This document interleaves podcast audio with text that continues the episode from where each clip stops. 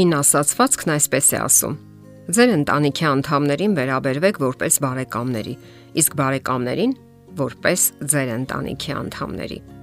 Մարդկանց զգալի մասին առանձնահատուկ ջանքեր են պետք, որpիսի ամուսնու հետ խոսեն նույնքան քաղաքավարի, որքան բարեկամների հետ։ Մտերմությունը հաճախ տանում է տնավարի ու անհարգալից վերաբերմունքի։ Ինչի արդյունքում մենք շուտով մոռանում ենք ամեն տեսակի սահմանների մասին եւ վարվում ենք մեր ուզածի պես։ Չէ՞ որ սա ընդհանրապես ընտանիք է, մտածում ենք մենք։ Ուշադրություն դարձրեք, թե ինչպես եք խոսում ձեր ամուսնու հետ։ Ձեր զրույցի մեջ չկա արդյոք ծաղր, հեգնանք, ամփույթ վերաբերմունք։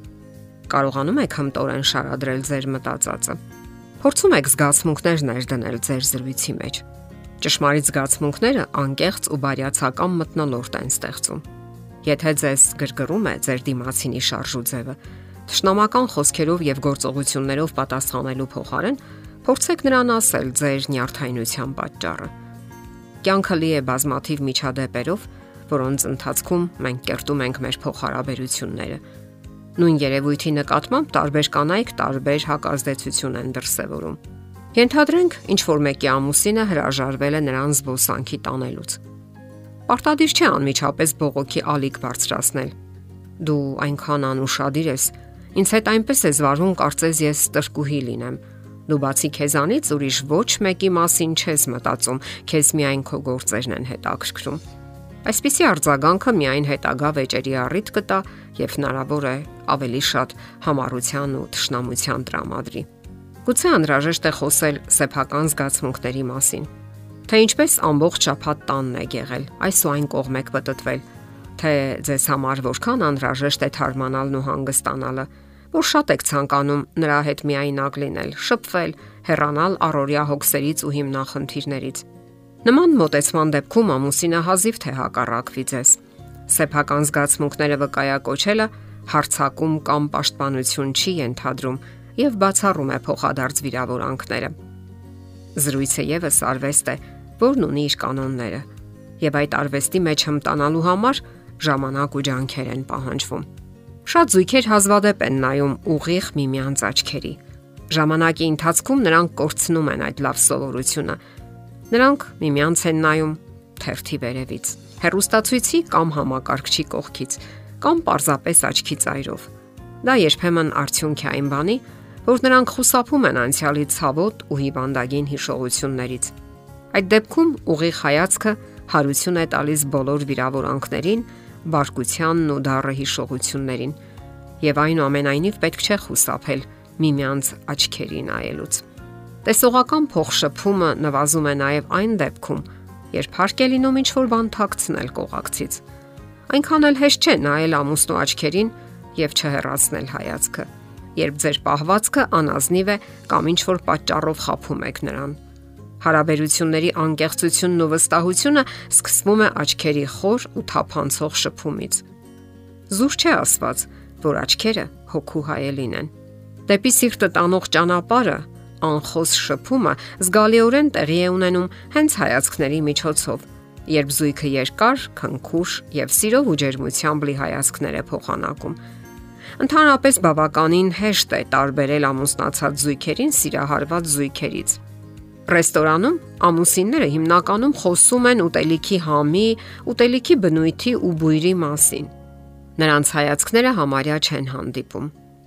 Բայց ուսումնասիրում են ուտելիքը, մյուս այցելուներին, ամեն ինչ։ Իսկ արդյոք այդպես են սիրահարները։ Անկասկած ոչ։ Նրանք ջերմորեն նայում են միմյանց աչքերի, ավելի շատ են զրուցում։ Ձերքերը միաձուլված են։ Հաճախակի ու երկար ճպտում են միմյանց տարիների հետ ձեր հարաբերությունների մեջ գուցե ձանձրույթ է ներխուժել։ Սակայն հնարավոր է վերադարձնել հարաբերությունների այն հմայքը, որ հատուկ էր առաջին հանդիպումներին։ Պարզապես դրա համար ջանք ու ժամանակ է պետք։ Օգտագործեք տեսողական շփումը, հպումները, անկեղծ զրույցները։ Ամենից առաջ նստեք սեղանի առաջ դեմ դիմաց։ Նայեք միմյանց աչքերի եւ ասացեք ողջ ճշմարտությունը։ Ինչ կա որ կարելի է խոստովանել Գուցե ես չեմ արդարացրել քո սպասումները, գուցե սխալներ եմ թույլ տվել։ Ինչ որ բան անհետացել է մեր հարաբերություններում եւ ես ինձ մեղավոր եմ զգում։ Ես հոգ չեմ տարել քեզ համար, բավարար չափով ուշադրություն չեմ հատկացրել քեզ, բայց ես իսկապես սիրում եմ քեզ եւ ցանկանում եմ փոխել իմ վերաբերմունքը։ Ներողություն եմ ակնկալում իմ հանդեպ։ Ես խոստանում եմ, որ շատ բան կփոխվի դեպի լավը։ Դու կարևոր ես ինձ համար։ Կարևորը perճախոսությունը չէ, այլ հարաբերությունները փոխելու անկեղծ ցանկությունը։ Բոլոր զույգերը պետք է ամեն օր բավական ժամանակ անցկасնեն միասին, ուշադրություն դարձնեն տեսողական շփմանը։ Սա առանձնապես կարևոր է այն զույգերի համար, որոնք դժվարություններ ունեն հարաբերություններում։ Խախտված հանգույցները կարելի է վերականգնել, եթե զույգը ցանկություն ունի փոքրինչ քայլ անելու դեպի վերափոխումը, դեպի անկեղծությունն ու ազնվությունը։ Իսկ դա հնարավոր է, եթե նստեք եւ առանց լարվածության նայեք միմյանց աչքերի։ Գրքի հերոսներից մեկը այսպես է նկարագրում իր տպավորությունը։ Նա իմ կողմը դարձրեց դեմքը, ժպտաց։ Նրա բերանը կիսաբաց էր, ատամները փայլում էին։ Խոշոր աչքերն անքթիթ նայում էին ինձ։ Երբեք չեմ մոռանա այդ դեմքը։ Երբեք չեմ մոռանա թե ինչպես խոնարհվեց դեպի ինձ, չքնախ ու արտահայտիչ, թե ինչպես նա փայլեց փաղաքուշ քնքշությամբ ինչպես նա փթթեց այդ շլացուցիչ լռության մեջ։ Երբեք չեմ մոռանա, թե ինչպես աչքերը մոտեցան իմ աչքերին, որքան մոտիկից նրանք զննեցին ինձ լուրջ ու հիացմունքով։ Իսկ դուք կարող եք այդպես նայել ձեր տարիների կողակցին։ Անկասկած կարող եք։ Շփում խոսքերով, շփում հայացքով միանգամայն հնարավոր է եւ պարզապես անհրաժեշտ։